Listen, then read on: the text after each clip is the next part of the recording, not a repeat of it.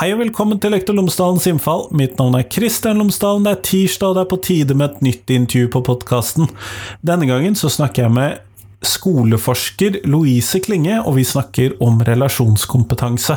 Og dette har vært et populært tema før. Gangen, denne gangen så får vi en ny pitch på relasjonskompetanse, hvorfor det er viktig og hvordan vi kan jobbe med det, så det gleder jeg meg til. Podkasten er jo som alltid sponset av Cappelen Dam Utdanning, og hvis du går inn hos Cappelen Dam Akademisk eller i shownotesen til episoden, så finner du boken som Louise Klinge har skrevet om relasjonskompetanse. Så rett og slett denne gangen så er podkasten sponset av boken den handler om. Det er jo selvfølgelig også da fordi at jeg alltid er sponset av Cappelen Dam utdanning, og da av og til så blir det Cappelen Dam akademisk. Men nå så skal du få lov til å høre hva Louise Klinge har å si.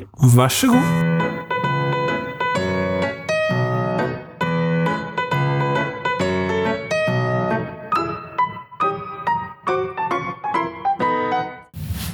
Louise Klinge, tusen takk for at du har tatt deg tid til meg i dag. Ja, takk for invitasjonen, Christian. Før vi kommer helt i gang med intervjuet, så hadde jeg håpet at du kunne fortelle lytterne mine tre ting om deg selv, sånn at de kan få bli litt bedre kjent med deg. Ja, tre ting om meg selv. Um, jeg um, Den ene ting er at jeg er så, så privilegeret at jeg arbeider sammen med en billedkunstner øh, der heter Lisbeth Eugenie Christensen. Og hun har faktisk visualiseret eller sånn illustreret rigtig mange af mine teoretiske øh, pointer fra min forskning. Så, så jeg er så heldig inde på mit kontor, der hænger der en, en, en hel masse malerier, som Lisbeth har lavet, der ligesom har levende gjort øh, min forskning. Det synes jeg er rigtig sjovt øh, at have det hængende. Og øh, en anden ting, mm, jeg er helt utrolig nysgerrig. Jeg har spist de mærkeligste ting igennem mit liv, fordi jeg bare ikke kunne lade være. øhm, og øh, den tredje ting, det er, øh, jo, det, det er en ting, jeg er ret stolt af. Jeg, jeg, jeg, jeg, her i Danmark har vi noget, der hedder phd kop Det svarer lidt sådan til uh, X-faktor inden for forskning. Man får tre minutter til at formidle tre års forskning. Øhm, og der var jeg så heldig i 2016 at vinde phd kop Og det, øh, det, var, det var jeg meget glad for at gøre, for det betød, at der kom fokus på mit forskningsfelt, som jo er lærer-elev-relationer, og det er for mig at se noget af det vigtigste i verden, så derfor så, så var jeg glad for at vinde, så der kom opmærksomhed omkring dem. Gratulerer med det. Det er vel det som tilsvarer forskning Grand Prix her i Norge, tror jeg. Vi har tilsvarende opplegg. Men veldig bra. Gratulerer. Du er jo skoleforsker, og du har eh, vært med å skrive en bok. Eller du har skrevet en bok, heter det vel strengt tatt. og Temaet er relasjonskompetanse, og da lurer jeg først på, må vi jo vite, hva er det vi snakker om når vi snakker om relasjonskompetanse? Ja, relasjonskompetanse er helt utrolig viktig, fordi det er det, der øh, sker i samspillet mellom oss mennesker, der gør, at vi forstår hinanden, og at vi kan komme på bølgelængde med hinanden. Altså vi ligesom kan få, øh, få en, en, en øh, altså at vi kan få en fælles takt, øh, så vi kan, kan gå sammen i verden. Og relationskompetence er almen menneskeligt. Altså når små børn bliver født ind i verden, så er de øh, skabt til at være i gode samspil med omverdenen. I ved, hvis man linker til et lille barn eller rækker tungen til barnet, så vil barnet prøve at gøre det samme tilbage for at vise, jeg kan afkode dit signal, øh, din invitation til kommunikation, og jeg kan respondere, så vi kan være i et godt samspil. Og det har vi brug for som mennesker, fordi vi jo er en, en sart art. Vi er nøgne og på to ben, og vi har brug for hinanden. Øhm, så den her relationskompetence er almen menneskelig. Så, øh, øh, så er der så alligevel det særlige, at når man står i en professionel sammenhæng som lærer og pædagog, så skal man jo både danne og uddanne. Øhm, så man har altså et samfundsgivet ansvar for at tage vare på på børnenes mange, mange tusind timer i skolen. Og, øhm, og der handler den professionelle relationskompetence om, ikke kun om at have det hyggeligt med børnene og være i gode samspil, men det handler om at møde dem på en måde, så man øh, både bidrager til, at de har det godt, og at de udvikler sig fagligt, socialt og personligt. Men det er ikke nok, at man har det hyggeligt med Josefine eller med Johan eller Ali. Det handler også om, hvordan kan man understøtte, at Josefine og Johan og Ali er i et udviklende fællesskab med hinanden. Altså, hvordan er det, man understøtter børnenes øh, læringsfællesskab? Så helt, hvis vi skal korte det ind til en definition, så er øh, den professionelle relationskompetence det at bidrage til, at børn har det godt, og at de udvikler sig fagligt, socialt og personligt, og at de fungerer som et, som et læringsfællesskab med hinanden. Og det er altså det er alt ved lærerens interaktionelle adfærd. Øhm, altså det vil sige, at det er både det, læreren gør, og det, læreren siger, hvor at man kan handle relationskompetent. Øh, så det vil sige, når vi træffer didaktiske valg og laver klasseledelse osv., så, videre, så er vores relationskompetence også i spil. Fordi der gør du jo noget over børnene, du siger noget til dem. Så relationskompetencen kan i princippet være i spil hele tiden. Men det er meget krævende at handle relationskompetent. så der er ingen, der gør det altid. Eh, jeg hører jo, jeg tror jeg hører begynnelsen på litt av svaret mitt, eller svaret på spørsmålet jeg nå kommer med ut ifra det du har sagt allerede. Jeg har i hvert fall en, en viss idé, men hvorfor er da dette så viktig i skolen? Ja, hvorfor er det så viktig? For det er fuldstændig utrolig vigtigt. Hvis man kigger på forskning rundt i hele verden om, hvad relationer mellem lærer og elever betyder noget for, så er det altså helt vildt. Relationen mellem lærer og elever betyder noget for børnenes faglige resultater, altså og deres faglige udbytte. Det betyder noget for børnenes relationer til hinanden. Man kan simpelthen se, at den kvalitet, relationen har til den voksne, påvirker børnenes øh, relationer til hinanden. Det er den voksne, der sætter dagsordenen for, hvordan er vi sammen. Møder vi hinanden venligt eller respekt og respektfuldt, eller ydmyger vi og råber af hinanden. Så påvirker øh, relationens kvalitet øh, børnenes mental sundhed, altså, altså både deres selvværd og deres øh, deres selvregulering, det her med, når man er ude af sig selv og frustration, at man kan komme tilbage til sig selv og falde til ro. Og selvregulering er jo også det her med, at man faktisk kan sidde og koncentrere sig, ikke hele tiden lige skal over spids blyant eller gøre noget ved sidemanden. Så, men så selvregulering er også øh, påvirket af relationen. Så er øh, nervesystemets modstandsdygtighed, altså et barns resiliens i løbet af livet, er også påvirket af relationens kvalitet og sågar også børnenes fremtid. Og der taler vi både om uddannelsesforhold og lønindkomst og familieforhold. Så det er virkelig sådan, at man tænker, at til at lære overhovedet gå på arbejde, fordi det, de gør sammen med, øh, det de gør med børnene, siger til børnene, påvirker så meget, og det sker lige meget, man vil det eller ej.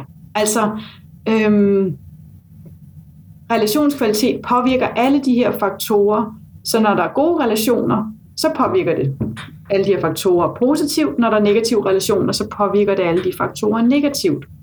Øhm, så relationskompetencen, den er så vigtig, fordi det er den, der er i spil, når det påvirker de her faktorer positivt. Så det er virkelig, at man står med børnenes liv i sine hænder som lærer. Men eh, noe av dette høres jo ut som eh, Fordi at du trekker opp linjene opp til eh, eh klasseledelse.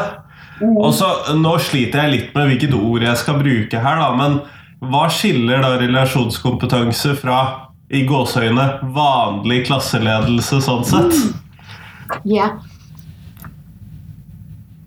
Altså For meg å se, så er klasseledelse og de didaktiske valg som en, og pædagogiske valg en lærer en pædagog træffer, de bor inden under relationskompetencen, fordi alt sker jo i et samspil med børnene. Ikke? Du kan ikke komme udenom, at alt foregår i et samspil. Der er ingen, der står og underviser ud i ingenting. Øhm. Selvom jeg tror, nogle af mine kolleger nogle gange skulle ønske det. ja, lige præcis. Jeg, jeg, jeg talte med en skoleleder, hun havde, hun havde fyret, jeg ved ikke sige, fyret øh, på norsk eller afskedet. Øh, sagt sparket. Hvad hedder det? Spol- sparket. Okay, sparket.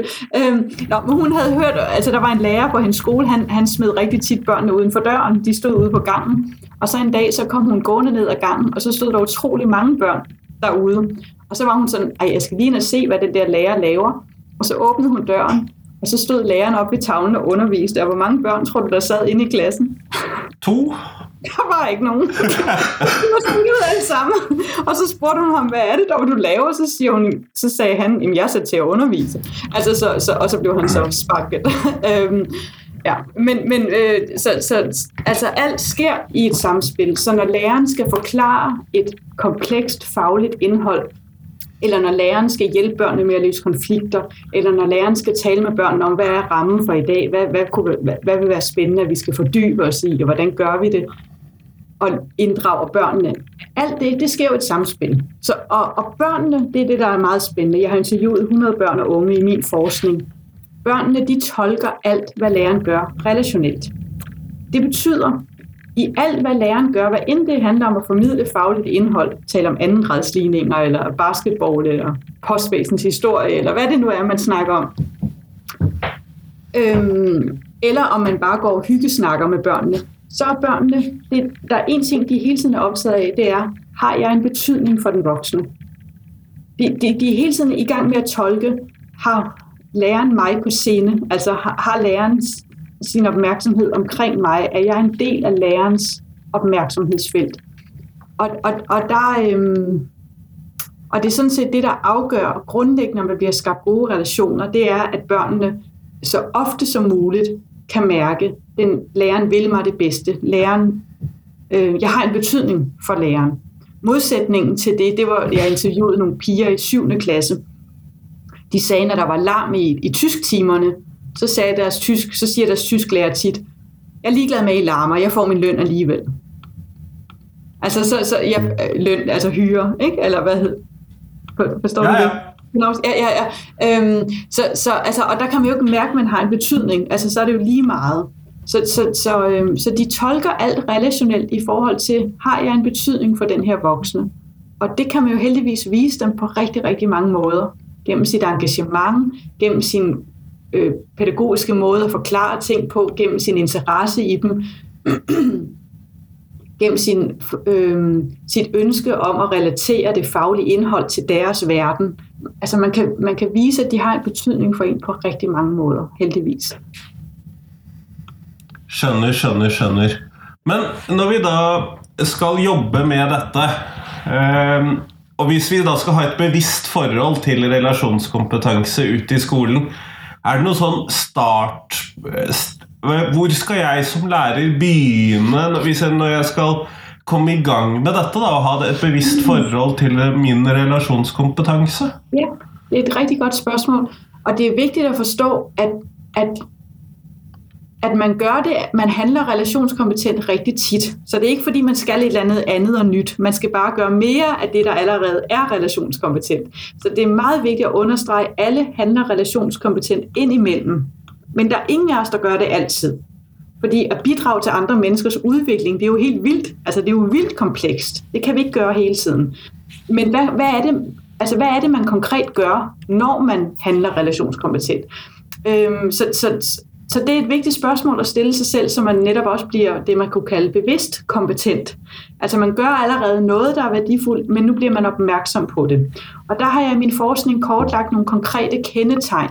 Og, og der, hvor at det er naturligt at starte, det er ved, øhm, det er ved sådan der, hvor der er et overlap mellem den almen menneskelige relationskompetence og den professionelle. Fordi det er sådan helt enkelt, og det er ved at udtrykke det, som jeg har valgt at kalde for afstemmere. Altså den, den store udviklingspsykolog Daniel Stern, han taler jo om begrebet attunement, af afstemning, altså at vi som mennesker er afstemt med hinanden. Øh, modsætning af fejlafstemninger, hvor vi misforstår hinanden og bliver irriteret på hinanden og vrede på hinanden.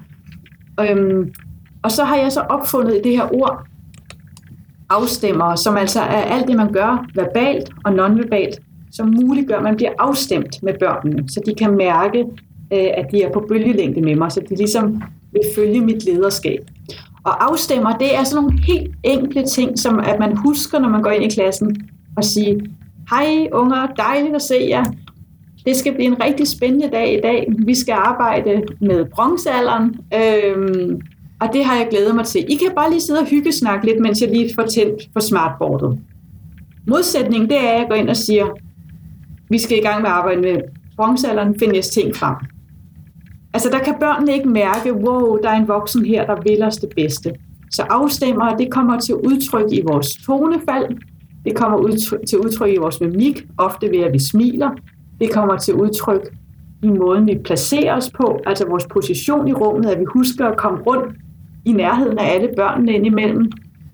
Og det kommer til udtryk i vores ordvalg, at der er venlighed og imødekommenhed. Øhm, så, så afstemmer, det, det er sådan helt basalt enkelt, men det er så vigtigt, fordi det får børnenes nervesystem til at falde til ro. Altså børn er jo... I Danmark øh, er der, der ved man, at det er hver sjette barn, der er udsat for fysisk vold i hjemmet.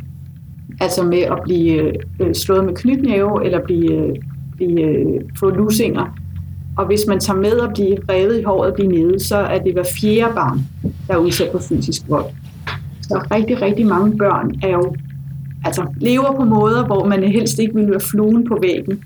Og når læreren udtrykker afstemmer, så er det med til at berolige deres nervesystem, så de kan koncentrere sig, og så de også kan ja, tro på, at der er nogen, der vil dem noget godt. Så det, det vil jeg sige, det, det er det første, at man, er opmærksom, man bliver opmærksom på de her afstemmere. Husker jeg at udtrykke dem også over for Ali og Josefine, eller øhm, fordi de gode relationer, de kommer gennem, at der er en overvægt af de her afstemmere. Så det er det første kendetegn ved relationskompetencen, hvor der er et overlap mellem det almindelige menneskelige og det professionelle. For der er også brug for afstemmer over for vores mormor og vores fætter øh, og blandt kolleger. Ja, for det er liksom noe som vi egentlig trenger å gjøre hele tiden med alle de vi møter. Ja. Nettopp. Eh, ja. videre, hva er det neste skrittet, tenker ja, du? Hva er det neste? Um, det næste kendetegn øh, er inspireret af en øh, meget stor uddannelsesfilosof, der hedder Nell Noddings. Hun er amerikaner, øh, professor i uddannelsesfilosofi, øh, fuldstændig fantastisk forsker, tidligere lærer og, og leder, skoleleder. Øhm, og Nell Noddings, hun er ophavskvinde til begrebet omsorgs, e, omsorgsetik. Og, øh, og det er det næste kendetegn ved vores relationskompetence det er der, hvor man tager ligesom hele det dannende ansvar på sig. Man tænker, okay, når børnene skal gå ud efter endt skolegang, efter mange tusind timer i skolen, så skal de jo have et højt etisk ideal i forhold til faktisk at bringe sig selv i spil og bidrage til omverdenen. Giver jeg dem erfaringer af det? Det er det, der ligger i det omsorgsetiske. At man møder dem på en omsorgsfuld, respektfuld måde, som styrker deres etiske ideal, og deres mulighed for at erfare, wow, jeg kan også bidrage til omverdenen. Jeg bliver ikke bare forventet, når jeg er 18 år, at nu, nu er du da sådan en, der gør godt ude i verden. Jeg har faktisk haft erfaring af at gøre godt.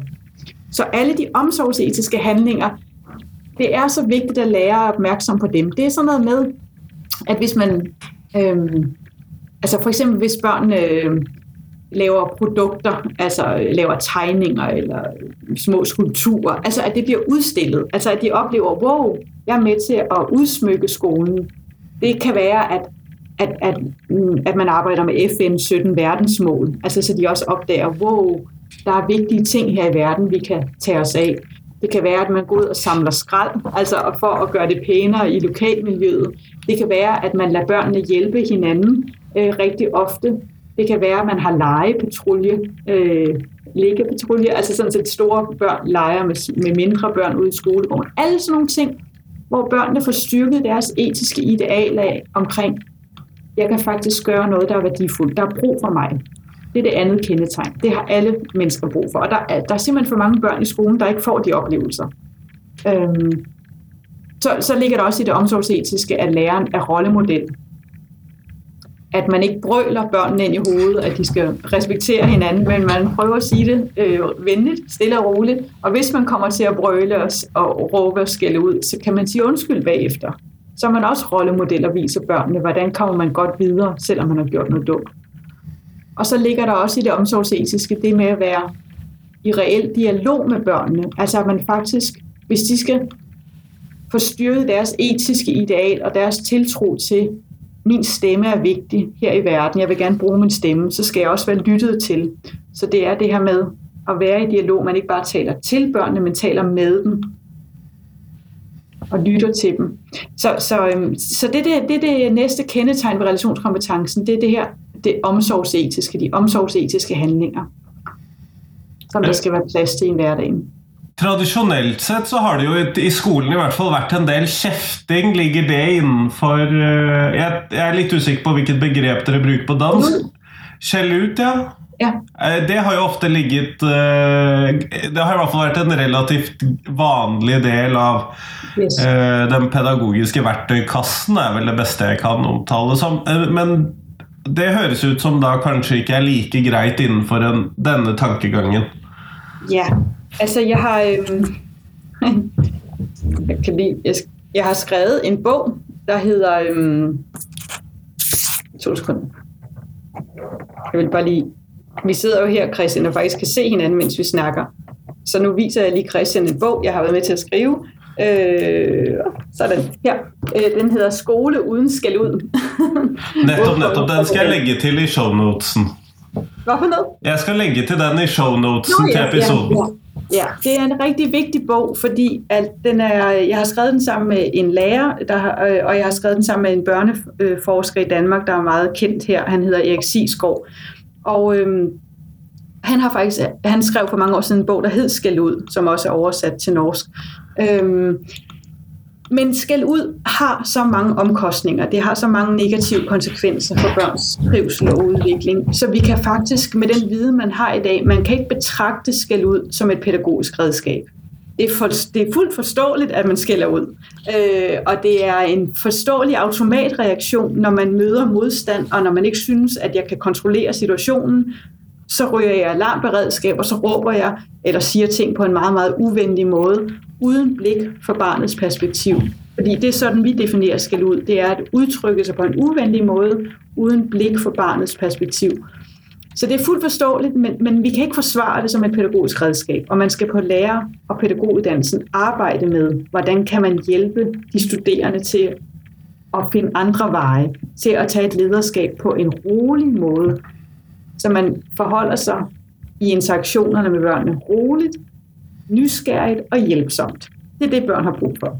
De, de, de, fordi når, når børn har en, en udfordrende adfærd, så det sidste, de har brug for, det er at blive skældt ud, fordi så får de meget sværere ved at gøre det, som man, der er hensigtsmæssigt.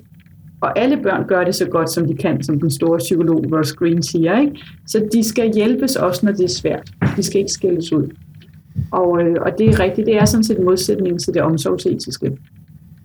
Men, men som når Ross Green siger, at børn gør det godt, når de kan. Jeg kan godt lide at sige, at mennesker gør det godt, når de kan. Ikke? Altså så lærere gør jo også det bedste, de kan. Så de skal jo også understøttes i at kunne lykkes bedst muligt.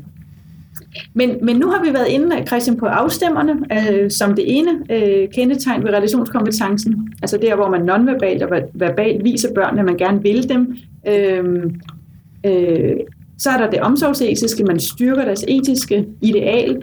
Og så er der det sidste kendetegn ved relationskompetencen, som, er, øh, som ligesom har tre aspekter. Og det, det er fordi, man ved på baggrund af snart 50 års, snart 50 års forskning, øh, udført af forskere i hele verden, øh, oprindeligt startet af Richard Ryan og Edward Deasy, som er de to øh, store øh, professorer i psykologi over i USA, der ved man, at mennesker har tre psykologiske behov. Og det, det sidste kendetegn ved relationskompetencen, det handler om at understøtte, imødekomme de her behov hos børnene. Det er barnets behov for at føle autonomi, altså sidde ved rettet i sit eget liv. Øh, og hvis ikke man ligesom kan sidde ved rettet og være med til at bestemme, at man så i hvert fald kan se mening i det, man laver. Øh, så man kan se sig selv ind i det. Og så handler det om at understøtte barnets kompetencebehov, det her dybe behov for at kunne lykkes. Øh, og øh, det svarer rigtig meget til, øh, hvis man kender Banduras begreb omkring self-efficacy, den her tiltro til, at jeg kan lykkes, at jeg kan håndtere de udfordringer, jeg står overfor, at jeg kan fungere effektivt i de sammenhæng, jeg er i. Og så det tredje og dybe psykologiske behov er behovet for samhørighed, på engelsk relatedness. Altså isolationsfængsling er jo af FN klassificeret som tortur, ikke? Isolationsfængsling mere end, i, i mere end to uger. Vi kan ikke som mennesker holde ud og føle os alene. Så børnene har brug for at føle samhørighed med de voksne og med hinanden. Så nu øh, er ligesom, øh, nu har vi komprimeret kendetegnene ved øh, relationskompetence. Man udtrykker afstemmer, man handler omsorgsetisk, og man understøtter børnenes psykologiske behov for at opleve autonomi, føle sig kompetent og opleve samhørighed. Og det er, øhm, som sagt, det heldigvis gør alle det her indimellem, men ingen gør det altid. Men det er helt afgørende, fordi det, det, det, det er den adfærd, der bidrager til børns udvikling, fagligt, socialt og personligt. Så, øh, og, jo, og, og så er det også vigtigt at sige, at det giver, der er rigtig stort råderum, altså der er rigtig stor metodefrihed. Du kan jo gøre, Ja, for du kan gøre dette på veldig mange måter. Lige præcis. Det kan se ud på rigtig mange måder, og der er ikke én kogebogsopskrift. Altså for eksempel et smil er en typisk afstemmer. Men hvis jeg kommer hen til nogle børn, der er kommet op og slås, og de står og tuder, altså står og græder, og jeg kommer med et kæmpe smil, så vil det være en fejlafstemmer. Det skal jo altid være tilpasset konteksten, ikke? men det er ligesom nogle overordnede pejlemærker, øh, de her kendetegn. Så, øh, øh, så, så det er det, det, det, som... Øh, som praktiker i Danmark er rigtig glad for ved min forskning, at det bliver sådan meget, det bliver meget konkret. Man kan se sig selv ind i det, men som mange siger, jeg bliver bevidst kompetent. Jeg bliver opmærksom på noget, jeg ikke var så opmærksom på før. Men det gjør det kanskje også vanskeligere det at det ikke er en kokebok. Øh, fordi at det da Oi, det da, da må jeg jo faktisk sette meg ned og vurdere er situasjonen og barn forskjellig, istedenfor å gjøre ja. A, B, C, D, E. Det er det min professionelle dømmekraft skal hele tiden være i spil. Øhm, og øhm, det, der kan være fordelen ved at kende til de her kendetegn ved relationskompetencen, altså at forstå den professionelle relationskompetence, det er, at vi får et fælles sprog. Altså vi får nogle konkrete fælles begreber for noget, der ellers nemt kan være lidt personligt og lidt diffust. Jamen, jeg vil godt etablere gode relationer til børnene og, og, og gøre noget godt for dem, men og det er noget med, at jeg skal være sød ved dem. Ikke? Altså det bliver nemlig sådan meget personligt, meget diffust, men her der får vi nogle, det er nogle konkrete handlinger, som viser sig igennem vores pædagogik og vores didaktik og vores klasseledelse, og børnene har brug for dem. Øhm, og derfor, øh, når du også netop siger, at hvor svært det er, så jeg har været i min forskning, der er jeg jo lige så optaget af at finde ud af, hvad er det, der understøtter relationskompetencen. Altså hvad er det for nogle betingelser, der viser sig som skal være til stede for, at lærerpædagoger skal lykkes. Så det, det synes jeg har været nok så vigtigt, at man ikke bare siger, at I skal bare gøre sådan og sådan og sådan. Ja tak. Ikke? Vi står i en hektisk hverdag med rigtig mange børn med store udfordringer. Kopimaskinen virker ikke, og altså, der kan være så mange ting, ikke, der er svære i hverdagen. Så det her med at, at, øhm, og også at, at fokusere på, hvad er det for nogle betingelser, der skal være til stede for at kunne lykkes, er vigtigt. Nettopp, nettopp. Og det gjør det jo litt uh, komplisert. Men uh, du eh, snakket om uh, selvprof... Eller at selvoppfyllende profetier i boken. Kunne du si noe mer om det? Ja. Øh, nogen kender måske øh, Rosenthal-eksperimentet. Den, øh, der var en, øh, en, øh, en forsker, en psykologisk forsker, i, der i 1968 68 øh, lavede et forsøg, hvor man øh, præsenterede en gruppe lærere for to klasser, og klasserne var nogenlunde ens øh, fagligt og socialt. Men man sagde til lærerne, den her klasse A, de er fuldstændig fantastiske. De forstår alting, og de har det så godt med hinanden, og det er dejligt at være derinde. Og så har vi så klasse B, som er ganske forfærdelige. De forstår ikke noget, de klarer sig dårligt, og de er, rigtig, de er ikke søde ved hinanden. Og øh, så gik lærerne ind med de her øh, farvede forventninger. Og så viste det sig efter ganske kort tid, at, at børnene begyndte at leve op til forventningerne. Så klasse A kom til at klare sig rigtig godt fagligt og socialt, og klasse B gik det ned ad bakken. Det havde så store effekter på børnenes præstationer og deres trivsel, at man efter, jeg tror det var 3-4 måneder, sagde, at vi bliver nødt til at stoppe det her eksperiment, fordi at det, det er altså... Øh, det var ikke etisk længere at gøre det. Det, det, er ikke, det er ikke etisk forsvarligt. Men selvom man stoppede det, og så fortalte lærerne, prøv at høre, det var øh, på klasse A og B, de var, det var, øh, øh, det, altså der var ikke nogen forskel på den måde på de her børn. Øhm, så kunne man se, at det for børnenes karakterer øh, havde det faktisk negative konsekvenser øh, flere år efter. Så de børn, der var blevet mødt med negative forventninger, præsterede dårligt øh, fagligt op til fire år efter. Så det, som, øh, det, som der påvirker øh, en relationskvalitet, det er de konkrete samspil, vi har med hinanden, altså det, vi gør sammen, det, vi siger til hinanden. Og så øh, består en relation også af følelser, som vi udvikler over for hinanden over tid, altså sjænsler. Øhm, og så består det af forventninger. Og, og, og, øhm, og der er det, at, at lærere skal være meget opmærksom på at hjælpe hinanden til at skabe gode relationer til børnene. Fordi hvis man påvirker hinanden med negative forventninger, så bliver det selvopfyldende profetier. Så vil man blive bekræftet i, ja, ja, tredje A, det er jo dem, der er også er simpelthen så forfærdelige. Øhm, og, øh, og så vil det blive sådan. Fordi du vil, øh, du, du vil få øje på de ting, og børnene lever op til de forventninger, som du har til dem. Så, så relationer øh, kan nemt låse sig fast og ligesom forblive negative, men de er dynamiske. Relationer kan altid ændres, fordi samspil, følelser og forventninger kan vi gøre noget ved. Jeg, jeg talte med et lærerteam på et tidspunkt.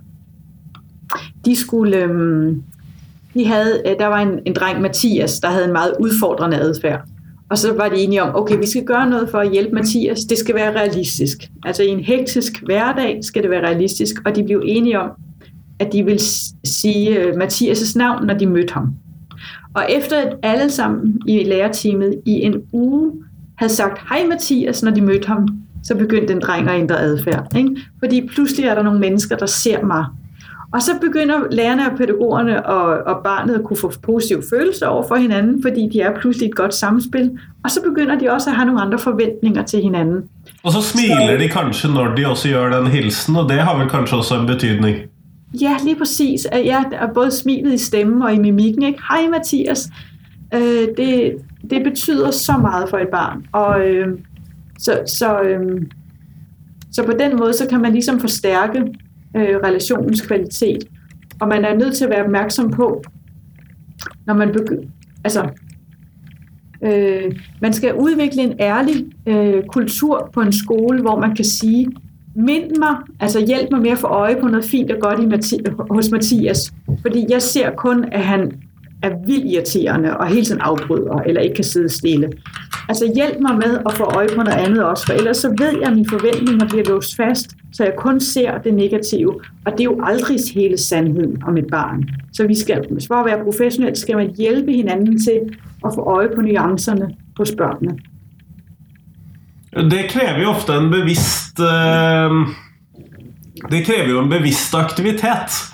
Det krever jo at vi jobber med dette. og Hvordan styrker vi da denne bevisstheten i hverdagen?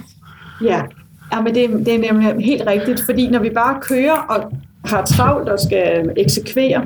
Og vi skal jo treffe 30 elever, og det er masse, ja. Lige præcis, ikke? Øh, så der skal i skolehverdagen være tid til refleksion.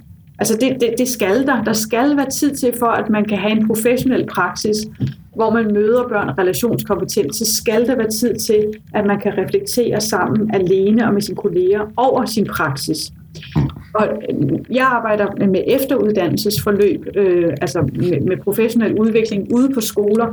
Og, og det, den måde, jeg gør det på, det er faktisk ved at bruge videooptagelser. Så lærerne begynder at filme deres egen praksis, videofilme deres egen praksis, og så uddanner jeg så nogen, øh, som det jeg kalder relationskompetencevejviser. Altså de bliver klædt på til at bruge nogle øh, observationsskemaer, jeg brugt, har udviklet omkring de her kendetegn ved relationskompetencen. Og så får de øje på de sekvenser, hvor læreren handler relationskompetent. Altså der, hvor læreren gør noget, der er meget værdifuldt for det enkelte barn og for klassen som helhed. Og så har man så teamreflektioner, hvor man viser film, hvor man viser klip, hvor det er i spil. Og øhm, så kan der for eksempel være et tema for den refleksion, der handler om at understøtte barnets kompetencebehov, som jo er et af kendetegnene ved relationskompetencen. Og så viser man et klip, hvor, hvor den måde, Christian, øh, at du forklarer noget til nogle børn der, prøv at se, hvordan det gør, at de kan koncentrere sig. Og det noget, du ikke selv at se, da du stod der i undervisningen, fordi efter du havde forklaret børnene noget, skulle du videre og hjælpe nogle andre børn. Men videooptagelsen går ligesom ind og fastholder, så man igen bliver bevidst kompetent. Ah, det er jo sådan, jeg skal forklare det til dem. Eller, wow, Gud, hvor gør det noget godt, at jeg sætter mig ned på huk, altså sætter mig ned i øjenhøjde med barnet. Øh, det er en stærk afstemmer. Jeg tænkte ikke over det, mens jeg stod der. Men Gud, hvor er det værdifuldt. Det skal jeg jo også huske at gøre, når jeg er sammen med Mathias. Øhm, så, så, øh, så jeg uddanner simpelthen mennesker, der faciliterer samtaler på teamniveau, hvor vi bruger videooptagelser for at fastholde den gode praksis. Altså ligesom at finde og forstørre. Vi sidder ikke og, og, og, og viser alle de klip, hvor man gør noget, der ikke er særlig godt. øh, fordi det, det kommer vi altid, altså det kommer man så nemt til at fokusere på. Så jeg sætter fokus på det, hvor vi lykkes, og det vi skal gøre mere af. Øhm, men altså, så det er bare for at sige, at videooptagelser er en meget, meget effektiv vej, fordi man der får set sig selv udefra, og bedre kan forstå, hvordan man påvirker børnene. Men, men ellers bare simpelthen tid til refleksion. Fordi man ved ellers, at teammøder det går op i drift, hvem har købt buskort til, når vi skal på tur, og så videre. Ikke? Og så går det op i noget socialt. Hvem har, er der nogen af os, der har bagt kage? Øhm, men vi skal jo også have tid til at få snakket pædagogik og didaktik og børns behov. Og det er det jo relativt, ofte relativt lite tid til, som du sier. Det har du jo helt rett i, denne fellesskapsrefleksjonen. Ja, det er der, og det er, at ledelsen skal afsætte tid til det. det og, og, øh, og, og jeg ved ikke, hvor meget lærere underviser i, i Norge, men i Danmark underviser de alt for meget. Det, det er, der er alt for lidt tid til at forberede sig, og alt for lidt tid til at reflektere. Mange har omkring 28 timers undervisning. Nettopp. Det var nok mer enn de har i Norge, men jeg tror likevel at norske lærere vil si at de ikke har tid til å reflektere så mye heller. Ja. Og det, øhm, men, men det, det er ret fint, at der er nogen, der ligesom tager et ansvar for at facilitere samtalen, fordi ellers så, så ender det let i, at, ja, at man brokker sig lidt. Eller, altså sådan, det, det er svært at gå ind i sådan et helikopterperspektiv. Øhm, men, men, men hvis jeg skal give et konkret tip, hvis der er nogle lærere, der sidder og lytter med, et konkret tip til at kvalificere refleksionerne, så handler det om hvis, at, at, at huske på børnenes tre psykologiske behov. Altså deres behov for at opleve autonomi, for, for, for at føle sig kompetente og for at føle samhørighed med hinanden og med, med, med de voksne. Fordi alle børn prøver hele tiden at få understøttet de tre behov. Så man kan simpelthen virkelig forstå et barns øh, adfærd meget bedre. For eksempel så er der måske nogle børn, der virkelig er sådan mm, måske meget negative og siger, det gider jeg sgu ikke. Og i virkeligheden så er det et tegn på, at det er jeg ikke sikker på, at jeg kan. Ikke? Så fordi der er en usikkerhed omkring kompetencebehovet. Så hvordan kan jeg gøre det barn mere trygt? Øh, det kan også godt være et barn, der laver rigtig meget uro, fordi ofte er det, hvis man ikke føler sig kompetent ind i det faglige fællesskab, så vil barnet prøve at kompensere, og så have en adfærd, der gør, at der i hvert fald er nogen, der griner, for så kan jeg da synes, jeg lykkes med noget. Altså, så er jeg også god til noget. Så hvordan kan vi skabe rum for, at alle børn kan føle sig kompetente? Han ved måske vildt meget om World of Warcraft. Kan, kan, kan han få lov til i engelsk at holde et oplæg om det? Altså alle børn skal opleve, wow, jeg kan også noget, der er rigtig vigtigt. Øhm, så, så, så at bruge de tre behov er virkelig et godt afsæt for samtaler. Hvad er det for et, et, et, et psykologisk behov, barnet prøver at få understøttet? Kjempeflott, Louise. Tusen takk for det. Vi nærmer oss slutten på podkasten. Og det som jeg da skal stille deg spørsmål om, er jo det som jeg stiller til alle jeg intervjuer. Og hva er de tre viktigste tingene som skolen lærer elevene? Ja, jeg var rigtig glad, da jeg så, at du ville stille et spørgsmål. Jeg synes, det er så, det er så vigtigt. Øhm, jeg har tre. Øhm, den første ting er, at, at skolen øh, muliggør, at alle børn både kan og vil bidrage til deres omverden, når de går ud efter skolen. Altså efter en skolegang skal de både kunne og ville bidrage, og de skal kunne, fordi de har haft erfaringer af, wow, jeg kan faktisk rigtig meget, jeg har tilegnet mig rigtig mange færdigheder, jeg har også fået lov til at excellere i noget, jeg interesserer mig for, og de skal ville, fordi de har øhm, erfaret, at, at der var brug for dem. Øh, altså de ikke har et modsætningsforhold til fællesskabet, men der var brug for dem i fællesskabet. Så altså at kunne og ville bidrage. Så skal gå, skolen give meget mere plads til, at børn kan lege. Øh, leg, læg, øh, er, jeg er begyndt at se leg som evolutionens smutvej til udvikling. Altså når børn leger, så udvikler de sig jo motorisk, kognitivt, socialt, personligt.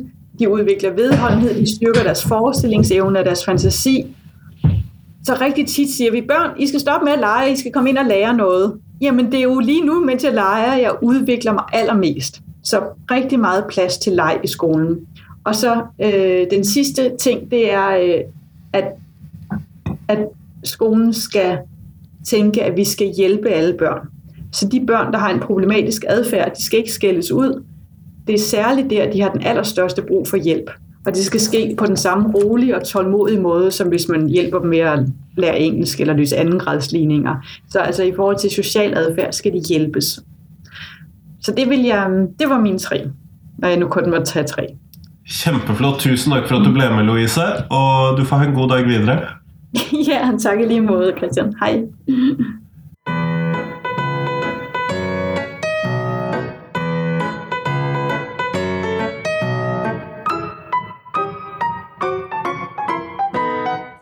Tusen takk til Louise, og tusen takk til deg som hørte på.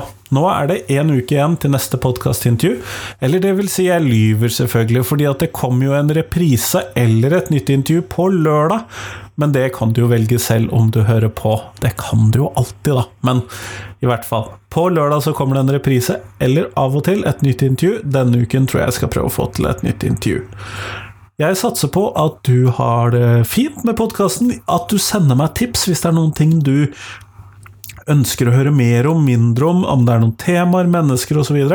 Det blir jeg i hvert fall utrolig glad for. Men nå skal du få lov til å få uken din videre, så du får høre på noe annet. Ha en fin uke. Hei, hei.